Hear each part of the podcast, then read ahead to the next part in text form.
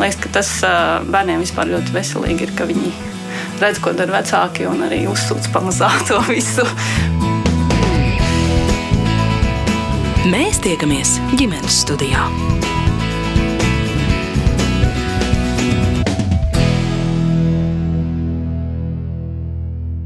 Labdien, un esiet sveicināti ģimenes studijā.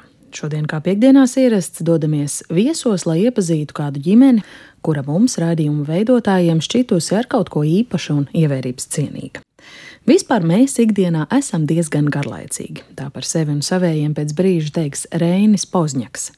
Taču kopš 24. februāra, kad visi šķiet pamodāmies citā pasaulē, arī Rēņa dzīve ir uzņēmusi jaunus apgriezienus.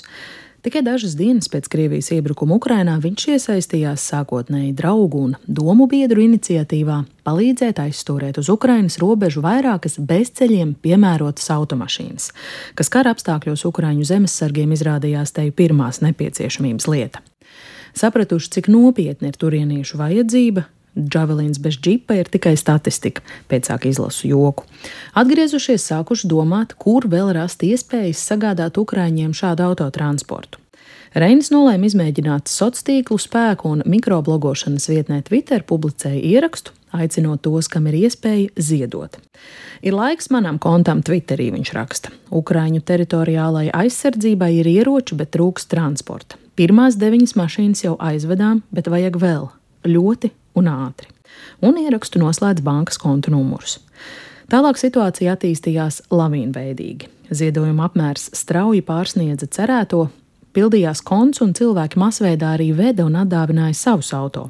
Tos atdeva arī dažādi uzņēmumi. Un tā Reinim ar domu biedriem, jeb Twitter konvojam, kā viņš pats to sauc, ir izdevies uz Ukrainu aizsūtīt nu jau vairāk kā simt dažādu automašīnu. Lielākoties džipu, bet starp tiem arī ātrās palīdzības vajadzībām nepieciešamus un piemērotus mikroautobusus.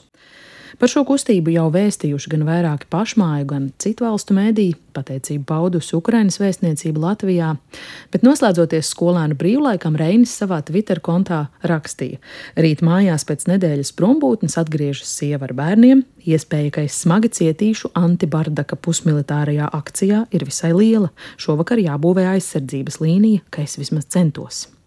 Tā nu ģimenes studijā aicinājām uz iepazīšanos ne tikai Reini, bet arī viņa ģimeni, ko viņš pats gan raksturo kā kautrīgus. Un patiesi, ierakstam sākoties, ceram sagaidīt, ka sarunai pievienosies arī desmitgadīgā Lotte un jaunākais Pauls, kam ir seši, taču bērni izvēlas nodoties savām darīšanām un kopā ar tēti Reini ģimenes studijā viesojās mamma Anda.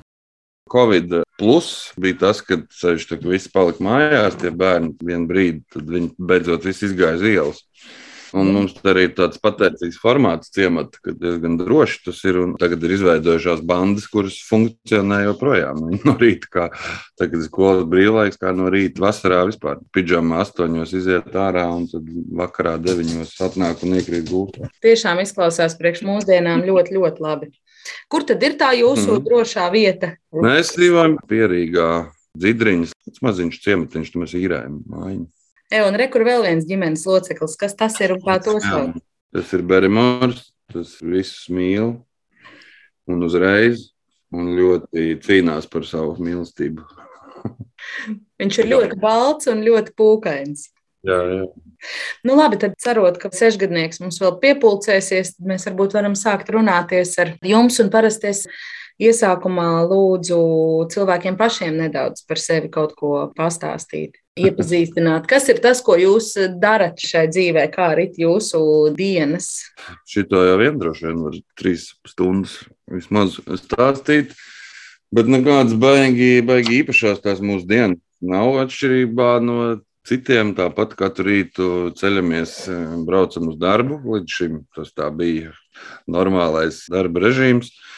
No rīta pieceļās bērni, bērns skola, paši uz darbu, vakarā pēc tā paša algoritma tikai uz otru pusi. Es strādāju drusku tādā tā kā sabiedrisko attiecību jomā, varētu teikt, drusku specifiskā. Anna strādā, nu, stāsti, kur tu strādā? Es uh, tiesā. Viņa strādāja ap tiesas sekretāra tiesā, atgriezās darbā pirms gada. Jā. Ne, pirms diviem. Jau diviem. Pirms tam bija ar bērniem. Ļoti ilgi. Ļoti ilgi, jā, pa māju dzīvoju. Un tā mēs dzīvojām līdz šim. Pēdējās trīs nedēļas gan ir diezgan būtiski mainījušas mūsu dienas ritējumus, sevišķi manējos. Vai jūs varat pastāstīt arī par savām atvasēm, klāt nēsošajām? Lotei ir desmit gadi, viņa mācās, nu jau laikam 45. vidusskolā, tā skaitās Gaujas ielām 4. klasē.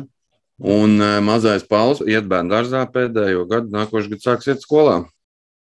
Un viss mūsu tā ikdienas arī loģistika lielā mērā ap meža parku grozās. Tāpēc tur gan bērns bērnam, gan skola Gaujas ielā.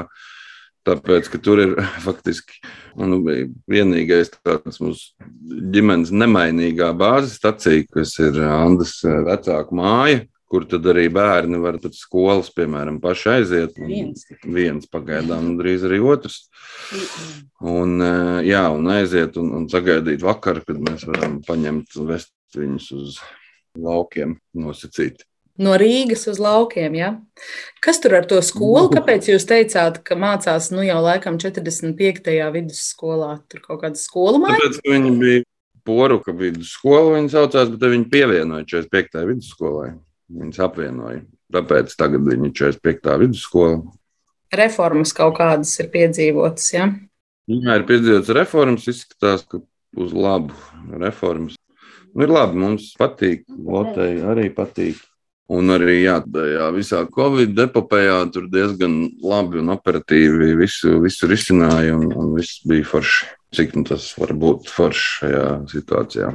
Parasti jau bērniem ir arī kaut kādas ārpus skolas nodarbes, un pulciņu un aizraušanās un tādas lietas. Kā jūsējie tiek nodarbināti?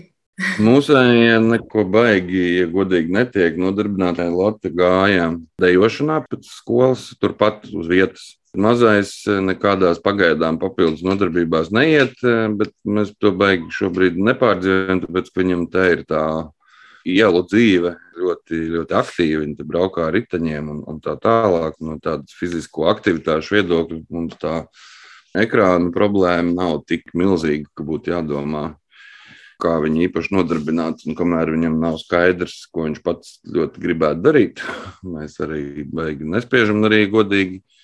Tas būtu diezgan sarežģīti no loģistikas viedokļa mums šobrīd arī to izveikt vēl papildus pasākumus. Tad es tā saprotu, ka jums arī vecvecāki ir iesaistīti diezgan daudz tajās bērnu lietās, nu vismaz darba dienās. Nē, tā baigi daudz nav. Arī pirmkārt, ir viens vecāks, Andris Tēvs. Viņš arī vēl strādā aktīvi, un, protams, viņš mums palīdz un atbalsta, ja ir tāda nepieciešamība. Un reku nāk, juniors nāc, šeit nāc, ienāc no ielu, ielu kaujām tikko. Tad vecētiņš nodrošina bāzes staciju, un ar to vien jau ir gana. Ja? Nu, Bāzes stacija gan arī tur šādi, tad, kad ir kaut kur jāpaņem un ātrāk ārpus normāliem e, grafikiem jāizved, tad arī ar to ļoti palīdz. Vispār mēs esam diezgan e, garlaicīgi. Jā, mēs arī nevaram pastāstīt, kā mēs varonīgi bērnus vadājam pa četriem pulciņiem un esam visu dienu ar to vien noslogoti. Mēs esam diezgan Šausmīgi tādi vieglprātīgi, ja varētu tā teikt, pret šo izturamies. Bet īstenībā tā jau varbūt nemaz nav nekāda vieglprātība, jo tagad jau ir pat tāda tendence. Ģimenes psiholoģija apraksta to kā tādu apzinātu izvēli. Nevis helikoptera aprūpe, ka tu ap tiem bērniem visu laiku riņķo un darbojies, bet tieši pretēji, ka tu vienkārši ļauj viņiem būt un darīt eh, tikai to, ko viņi paši grib. Jūs mūs nomierinājāt.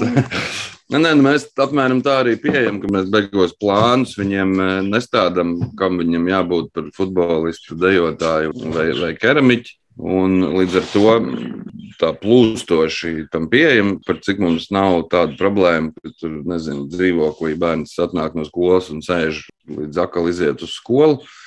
Viņiem ļoti aktīva tā sava sociālā dzīve, ja tā var teikt, tepat pagalmā. Un līdz ar to viņiem, viņiem ir ko darīt. Viņi braukā ar riteņiem, viņi spēlē spēles, viņi daudzās. Kas, eh, nu, arī kā es īstenībā atceros savu bērnību, tad nāca no, no skolas, izēja ārā un vakarā vecāki nāk tajā meklēt zināmajās vietās. Mums ir tūlām, jā. Un par autosportistu arī neviens no jūsējiem vēl netiek audzināts. Netiek, un es ceru, ka arī netiks. Bet, nu, ja, nē, nu, ja viņš pats izvēlēsies un tiks laimēts eiro jackpots, tad varbūt, tas tomēr kā tāda nopietna nodarbe ir diezgan bezperspektīva, ja vien nav ļoti daudz apstākļu sakritību, kā rezultātā tur kaut ko varētu sasniegt. Bet jūs pats esat ar šo jomu saistīts, Reini? Nu, es esmu, jā, nu, tas bija. Nu, Latvijā tāds profesionāls autosports nav vispār, vai ir uz vienas rokas puspirkstiem saskaitām gadījumu, ka to varētu pielīdzināt profesionālai nodarbei. Tas kādu brīdi bija mans aktīvais hobijs. Tad es arī lielu daļu dzīves esmu pavadījis tajā vidē, tur organizācijā, tiesāšanā, nu, tādās lietās. Bet, bet tā vide ir ļoti bijusi sevišķi arī šobrīd, Ukraiņas kontekstā, ļoti noder, jo viņi ir nodrošinājuši ļoti plašus kontaktus, tā skaitā ārpus Latvijas, jo, jo visi tie cilvēki, kas ar to autosportu tā vai citādi nodarbojās, ir, nu, kā lai saka, nu, viņus raksturo zināmas īpašības un, un vieta dzīvē, kas, nu, jā, piemēram, šobrīd ļoti, ļoti noderīgi.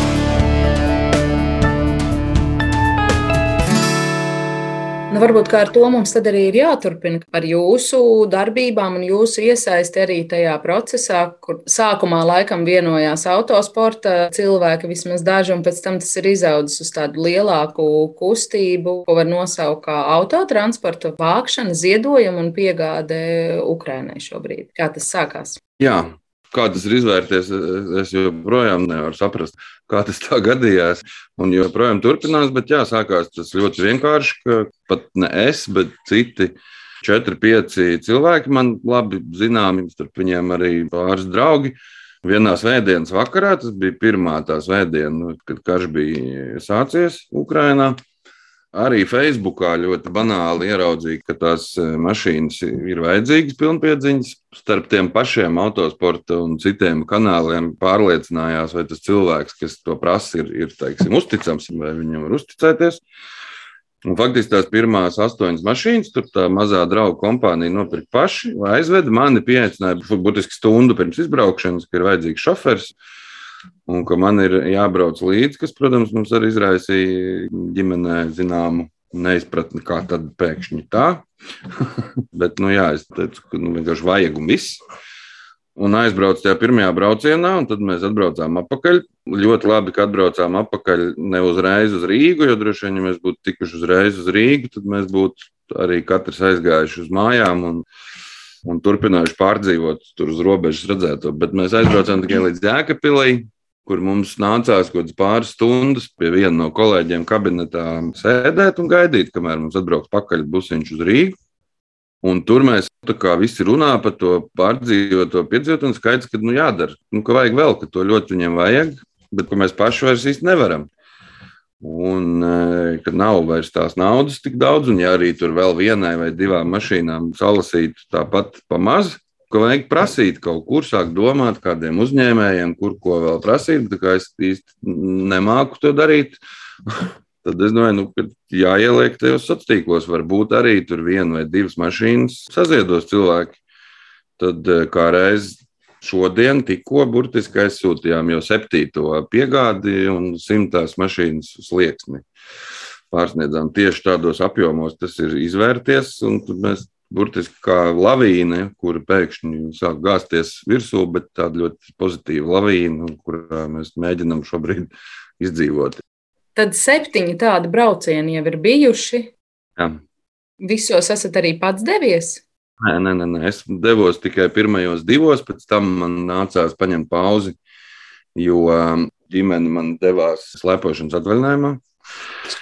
Skolēnu brīvlaiks, jā, brauc slēpot. Tad es nevarēju braukt, jo ir vēl pusmiljons dzīvnieku mūsu mājasēmniecībā, kas ir um, jābaro un, un jāpieskata.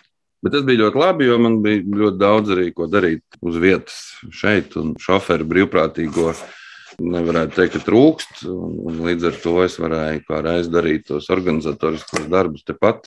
Un cilvēki brauc vienkārši vest tās mašīnas. Jā. Vēl par to slēpošanas braucienu. Jūs vienmēr tā dodaties kaut kur brīvlaikos vai braucienos, tā lai kāds paliktu mājās un barot tos pusmiljonu dzīvniekus? Vai šoreiz tas bija tā apzināti, ka Reinis paliek un, un jūs braucat? Nē, nē, nu tā nav parasti. Mēs atrodam Šoreiz kaut kādas tā, sanāca. Parasti mēs atrodam kaut kādus atbalsta dienestus, kas eh, visus tos Mēs aprūpē, bet šoreiz kaut kā Sadalām dzīvniekus, citreiz pa kaimiņiem. Kaimiņiem nāk kaķi pabarot. pa kaimiņiem, pa, aizveda. pa radiem, bet Jā. šoreiz kaut kā viss kosmos bija organizēts tā, jau sākumā bija plānots, nu, ka es šoreiz nebraukšu, un bija arī darbi paredzēti. Un, jā, vienkārši tā sakrita, un ļoti labi, ka tā sakrita. Es nezinu, kas būtu bijis, ja man būtu bijis ieplānots braukt, par ko tas viss būtu vispār izvērties. Bet šobrīd tas ir izvērties tā, kā tas ir izvērties, kā jau jūs teicāt, simt mašīnu. Par mašīnām droši vien vēl pēc brīža. Andēs, drīkstu jums pajautāt, kā jūs uztvērāt to ziņu, ka tajās pirmajās kara dienās vīrs tagad paziņoja, ka ir tāda lieta, es braukšu uz turieni. Es tā kā nepaspēju, nu, viņš nostādīja faktu priekšā tajā pirmdienā, nu, ka jābrauc. Un tas bija burtiski tā, ka es atbraucu mājās no darba, mētelī stāvēju, viņš jau bija saģērbies. Es braucu ātri, nav laika, man brauc pakaļ. Un, nu, tā kā nepaspēju neko nu, sadomāt, neko, bet uh, pēc tam uh, man bija tā kā tā nemierīga, varbūt bailes par to, ka tā kā jau nebrauc iekšā Ukrainā, bet uh, nu, tā nemierīga par to. Bet un tas, ka neko nepaspēju izskaidrot, nostādīja faktu priekšā, bet nu, tam jau sapratu. Kas ir tie ziedotāji, kas ir tie cilvēki, kurus jums ir izdevies uzrunāt, kas iesaistās un pērk gan mašīnas, gan naudu dod, gan arī savas mašīnas atdod? Ir tur praktiski neiespējami izdalīt kaut kādu sabiedrības grupu, jo, jo nu, faktiski visi, visi dara to, ko viņi var. Un es nezinu, kā to visu raksturot arī šodien. Piemēram, mēs tur dzīvojamies pa to štābiņu, tā saucamo pēkšņi iebrauc dāma. Atved Suzuki Jimny, kas ļoti labi dara mašīnu. Saka, še, zinu, ka Ukrāņiem viņi noderēs. Un tu, nu, vienkārši tā. Tieši tik vienkārši tas notiek. Tā tas šodien nav vienīgā diena. Tāda, tāda cik pa laikam ir. Kāds vienkārši iebrauc sētā un saka, reku jums mašīna. No, es mēģinu tur tos cilvēkus fiksēt un tos stāstus drusku publicēt. Bet jā, vienkārši tu nezini, katru dienu kāds atved degvielas kanas, kāds atved riepas. Naudu vispār nerunāšu skaita visdažādākie cilvēki, cik nu katrs var no viena eiro līdz arī vairākiem tūkstošiem. Ja, ļoti amplitūda ļoti, ļoti plaša. Un tur ir kaut kāda diezgan liela mistika visā tajā.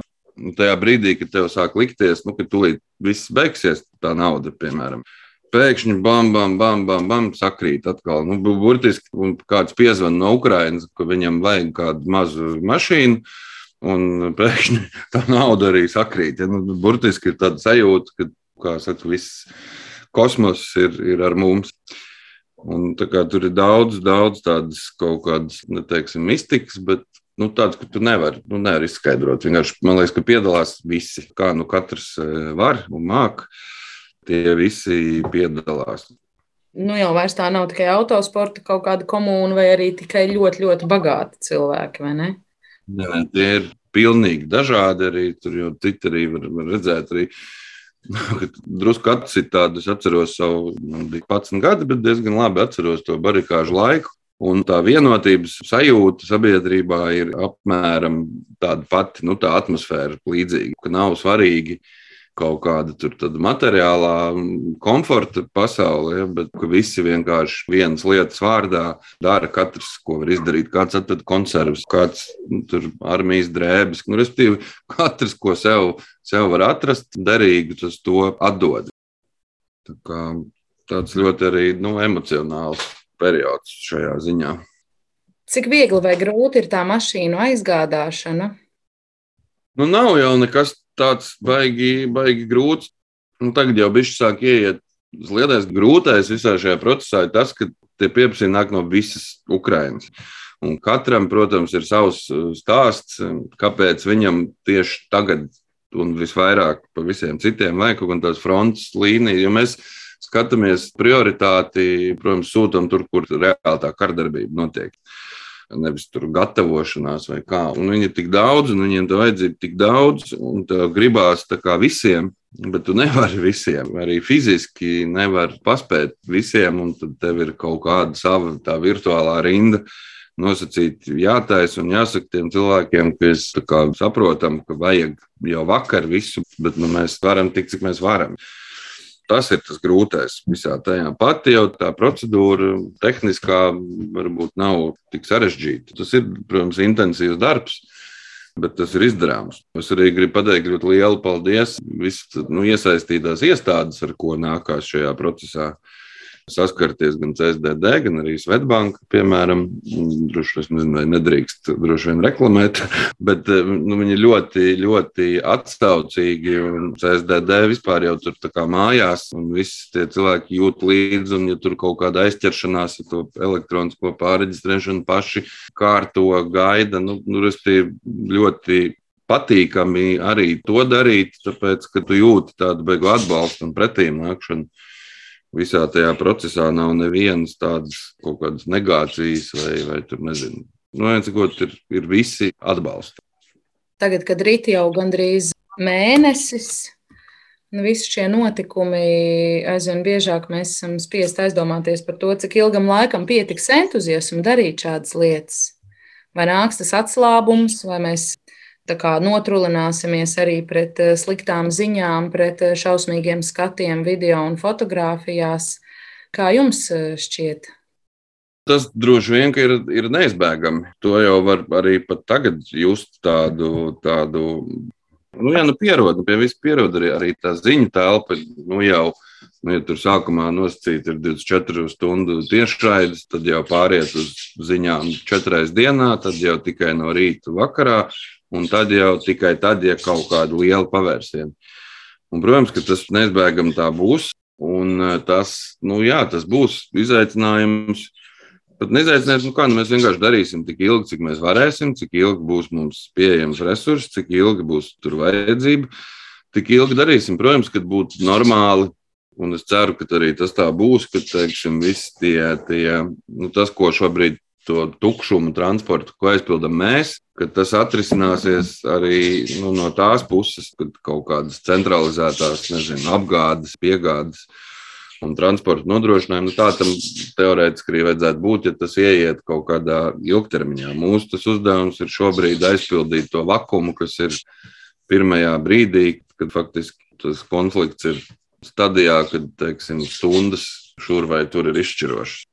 Kā jūs, Anta, tagad raugāties uz šīm aktivitātēm, tagad, kad nav vairs pirmā diena, kad viņš uz sliekšņa pasakā, es braucu, bet tas ir jau tādā pamatīgā procesā aizgājis. Nosodoši. Nosodoši, bet tas paņem tik daudz laika. Telefons zvana visu laiku viņam. Es kaut ko jautāju, es saņemu atbildi pēc divām minūtēm.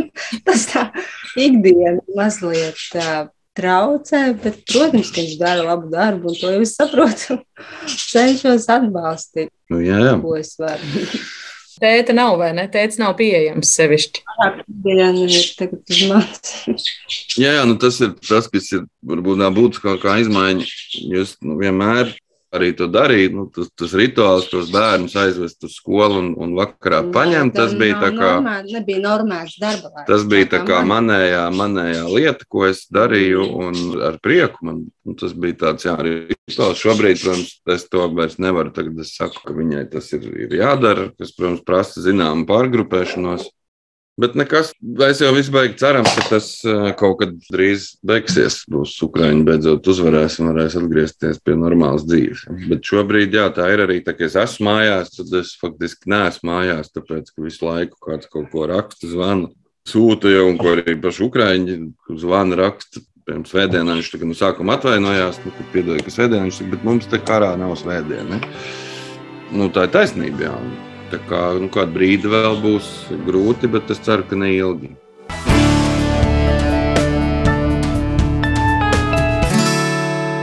Šis joprojām ir raidījums ģimenes studijā. Tajā šodien tiekamies ar Reini Pozņaku. Viņš pēdējās nedēļās ar draugiem un domu biedriem aktīvi organizējis Ukrāņu zemesargiem nepieciešamo autotransporta ziedojumu vākšanu.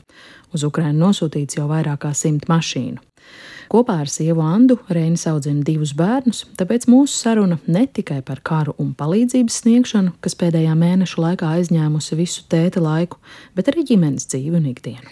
Kā jūs bērniem visu šo tēmu esat eh, nokomunicējuši? Viņi droši vien pamanīja 24. februārī vai tam sekojošajos datumos, ka kaut kas notiek tāds, kam pilnībā pieaugušie ir pieslēgušies. Ne, nu mēs. E... Nestāst, tik cik viņi paši kaut ko jautā. Jā, nu, es, protams, skatos visu laiku tās ziņas fonā, un tad viņi it kā jautā. Un tad mēģinām skaidrot, zinu, ka skolā bija, un arī bērngārzā zinu, ka ir bijušas tās runas par to. Protams, pirmā reize, kad es braucu prom, un es dzirdēju, uz Ukrajinu, tad bija nu, jaunākais bērns, bišķi, kas sastrasojās. Tad, tad es atgriezos un izskaidroju, ka es nebraucu uz karu, ja, un, un tā, un tad nu, nomierinājās. Jā. Nu, viņi ir, ir visu laiku iekšā, jā, nu, mēs tās ziņas ne, nemēģinām neslēpt, ne, neko.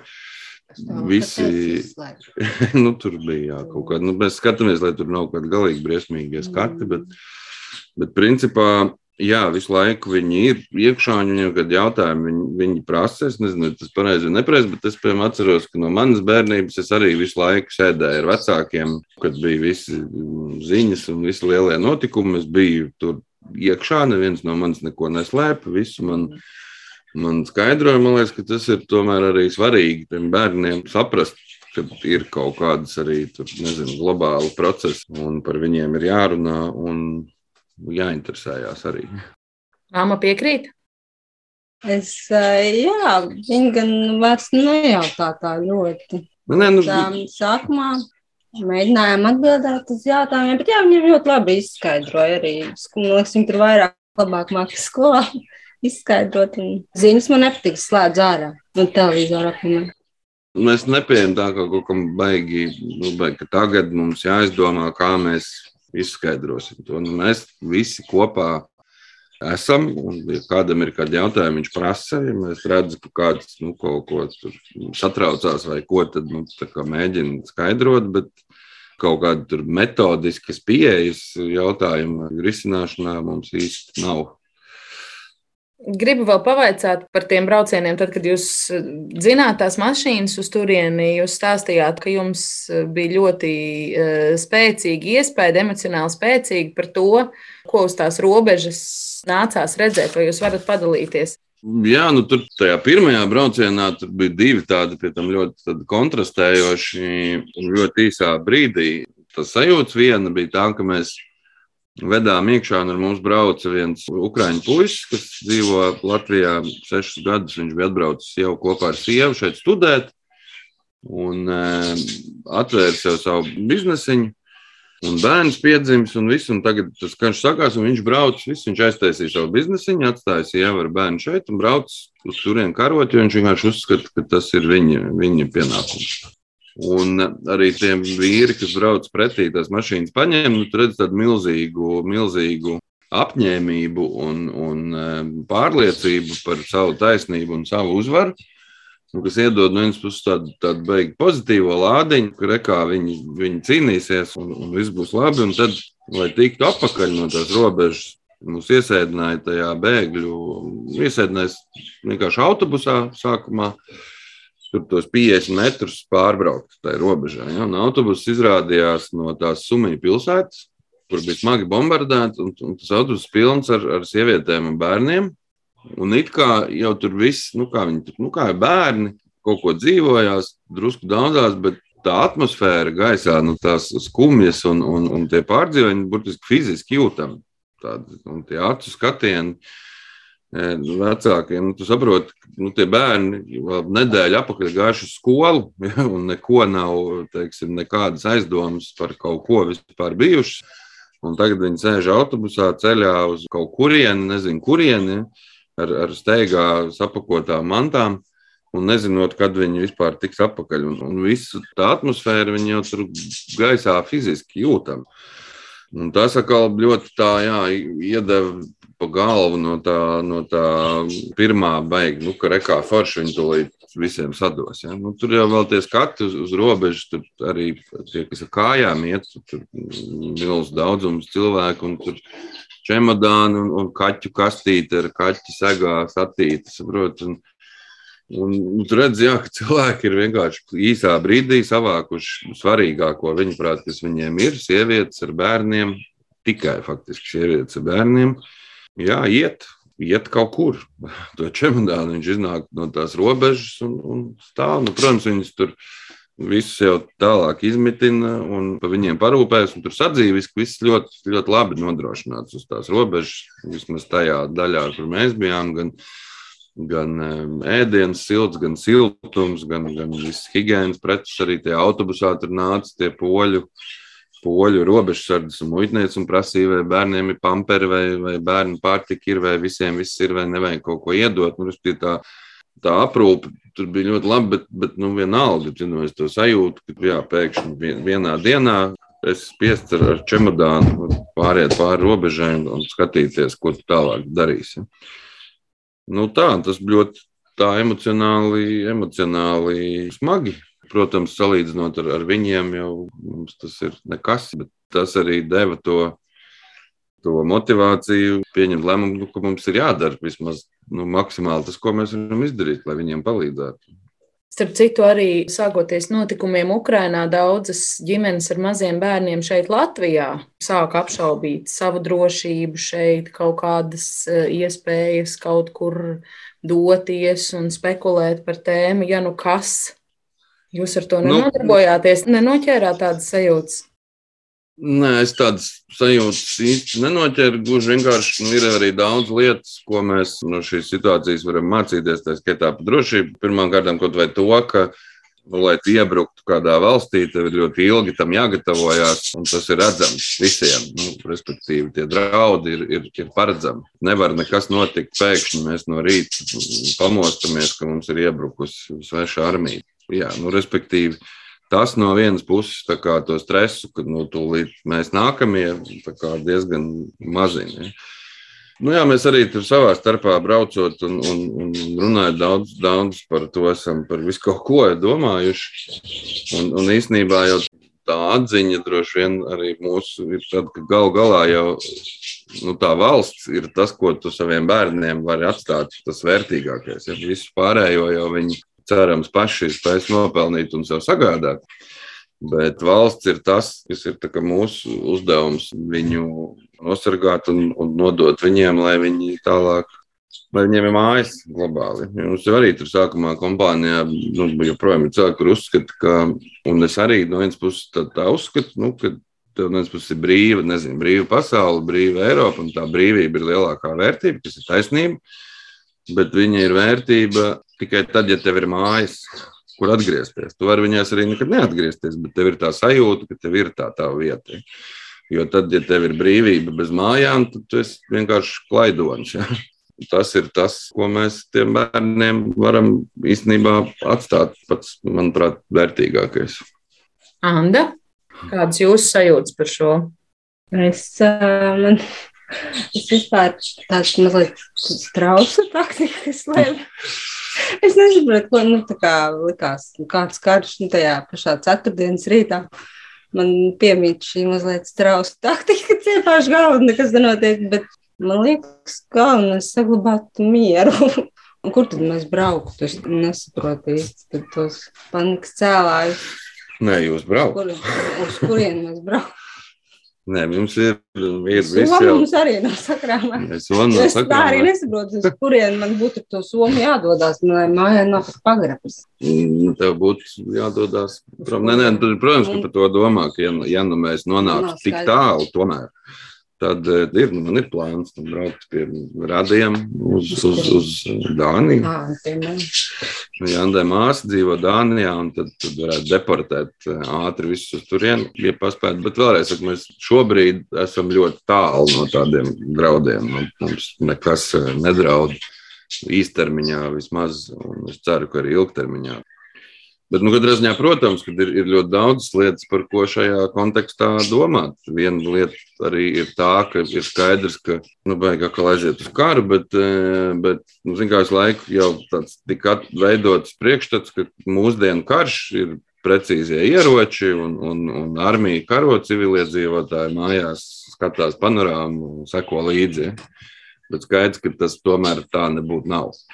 Un varbūt visādi, un tur mums arī ir kā valstī, ko domāt gan par šo infrastruktūru, bumbu patversmēm. Jo pat ja tas notiek reizes simts gados, bet kaut kad tas var noderēt. Ja, ja ne mūsu bērniem, tad, tad mazbērniem un varbūt mazmazbērniem, bet tas ir jāsāk veidot tagad, kā to dara jau ilgi, piemēram, tie paši Somi un Zviedri, kuriem joprojām ir, ir prasības. Teiksim, būvējot noteikti parametru ēkas, šīs bumbu patvērsnes veidot. Tas viņiem joprojām tādas prasības ir, un viņi viņas arī ievēro un, un pilda, lai gan tur arī it kā nekas šobrīd nedraud.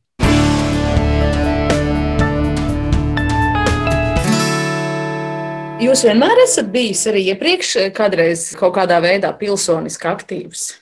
Ļoti, ļoti minimāli. Tad, kad bija tā Baltkrievijas krīze, tad es biju palīdzēju. Tur sākumā arī to Belarus Twitter kontu operēt, tulkot, tulkot ziņas. Man balss iniciatīva viena dīvainā kārtā līdz saimai tikusi par mazo uzņēmēju darbību. Gan. Bet nē, nu, es neesmu tāds baigais, kas iet uz visiem piketiem, protestiem. Galīgi nē. Šoreiz vienkārši tā kaut kā ierāla akacija. Šitā arī varbūt nav tāda klasiska kaut kāda sabiedriska iniciatīva, jo to nedaru, nedarīju arī ar motivāciju, ka nu, tagad mums te visiem pilsoņiem jāiet tur kaut kas darīt. Vienkārši trāpījās tā viena. Viena konkrētā lieta, kur ir skaidrs, ka viņi ir vainīgi, un to arī darīja. Man liekas, ka kas beigas īpašs, ka tu kaut ko tādu dari, tāpēc, es atceros, ka bija tie paši barikāži laiki, tad mēs arī tur, nezinu, deglāvu tiltu sargiem nesām pārtiku. Un, un īstenībā tieši tādā pašā veidā darījām aktīvi to, ko mēs varējām darīt. Līdzīgi kā tieši tā kā tagad cilvēki nes degvielu un koncertus, mēs tieši tāpat nesām to, ko varējām un, un kā varējām piedalījāmies. Tas bija pilnīgi normāls un pašsaprotams e, rīcība. Un, iespējams, arī tāpēc man Tagad tas neliekas nekas tāds baigi īpašs, bet vienkārši tu dari to, ko tu vari, un to vajag, un tas ir kritiski šobrīd, pie tam visai Eiropai, ne tikai mums. Un tu vienkārši to dari. Jā. Nu, tāpēc saku, tā, tā, tā sajūta ir līdzīga, ka šis ir tāds ļoti izšķirīgs brīdis vispār daudz kam globāli. Ja? Un ir jādara viss, ko tu vari, lai tas rezultāts būtu mums labvēlīgs. Vai, teiksim, par savu bērnu audzināšanu domājot, jums ir arī kaut kāds tāds virziens, vai kaut kāda skaidrība, vai kaut kāda vēlme, ko viņiem uh, iedot un ieaudzināt? Tas vismaz man ir ļoti. Mēs atkal nonāksim līdz sliktiem vecākiem. Es Nu, tāpēc, ka bērnu audzināšana ir, ir kaut kas tāds, ko es, es nezinu, es man liekas, nemāku vispār. Un nekad neesmu par to domājis, kā, nu, es tādu mērķtiecīgi audzināšu bērnus kaut kā. Nu, tur to, un tagad man viņiem jāaudzina šitas un, un jādara tas. Mēs tā kā vienkārši dzīvojam. Es nedomāju par bērnu audzināšanu kā atsevišķu kaut kādu procesu kura ietvaros man ir obligāti jādara tas vai tas. Mēs, mēs vienkārši dzīvojam, ja viņiem ir jautājumi, mēs par viņiem runājam, kopā visu kaut ko darām, un es nekad to neesmu tā baigi, baigi analizējis, ka bērnu audzināšanā ir kaut kā jādara tā vai šitā. Mēs varam savu rīcību arī parādīt tās vērtības. Tas, nu, droši vien. Nu, man liekas, ka tas tā, tā arī ir. Nu, ja? Tu vienkārši audz kopā ar. Man liekas, ka tieši tā jau viņi arī iemācās. Nevis, ka tu tagad nu, būs ziņas par Ukrajinu, neiet istabā, neskatoties.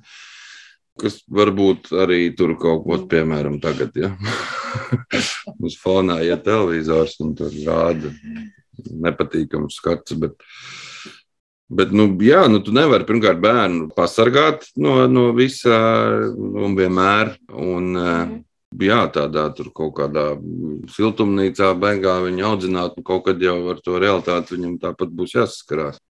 Un droši vien, kad ir kaut kādas teorijas un metodikas, kā to darīt pareizi un, un, un pārdomāti, un tā, bet uh, mums tas nesanāk.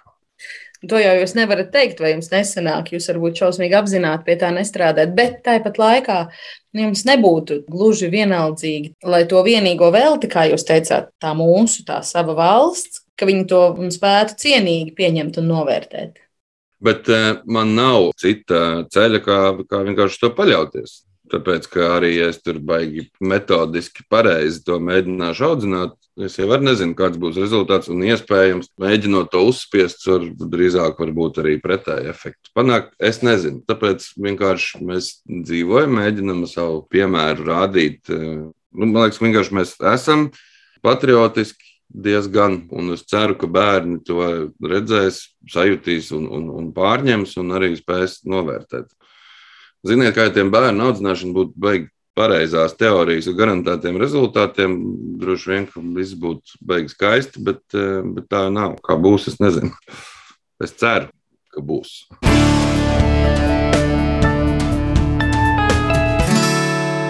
Ko jūs domājat par eh, šī brīža aktuālo diskusiju, nepieciešamo sabiedrības saliedēšanu un aicinājumiem nešķelties, bet vienoties un ļoti uzmanīties no sabiedrības eh, šķelšanās šobrīd?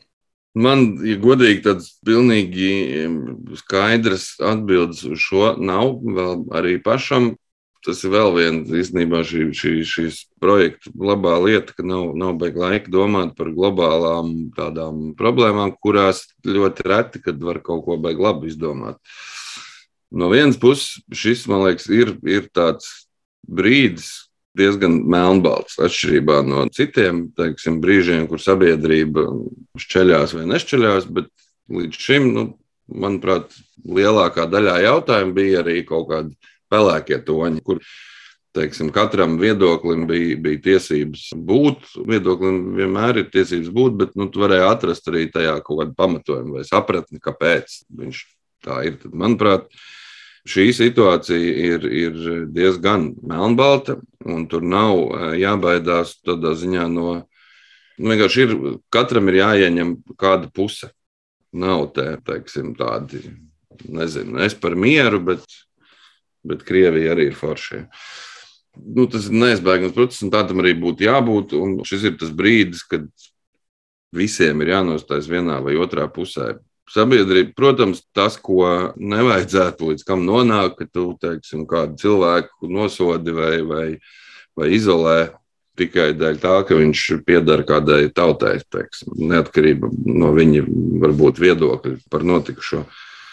Nu, sarežģīti man nav. Es arī vēl nezinu atbildes. Es, es domāju, ka tur būs izaicinājumi tikai, tikai ar vien vairāk, arī, arī tāpēc, ka ļoti daudz būs šie ukraiņu bēgļi, pie mums, un viņi būs ar vien vairāk un ar vien eh, vairāk arī psiholoģiski, emocionāli traumēti. Teiksim, tie, kas šobrīd brauc ārā.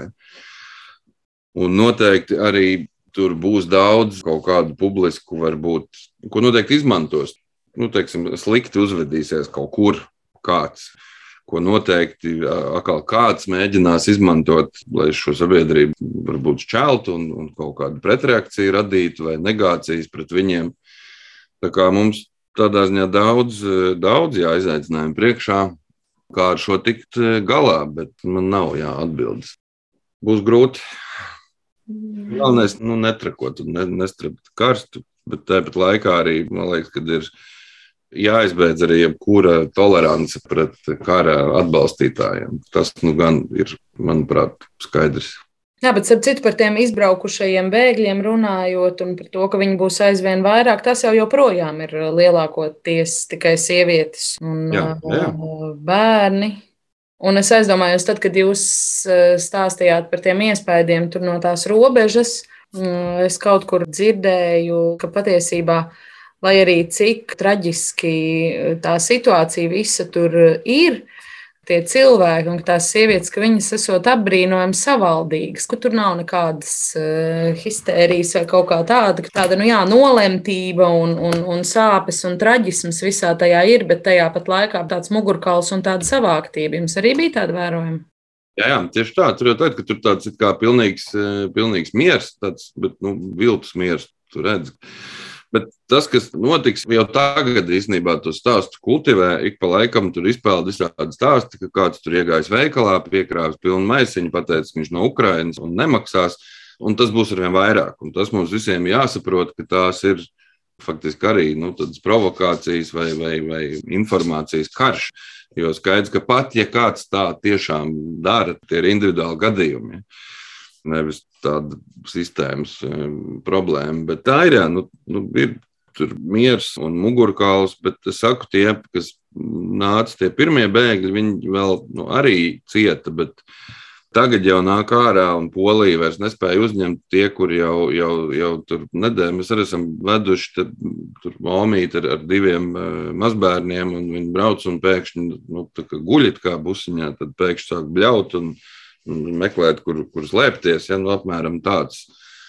Tāds uh, tas, nu, traki tur būs traki, bet viņi arī paši pierod. Mēs tur rakstāmies ar, Un te ir viens labs paziņa Harkovā, kur viņas bombardē visu laiku. Un, un Viņš raksta, ka tur artērija šāda ģimene garžā, bet mans linkums.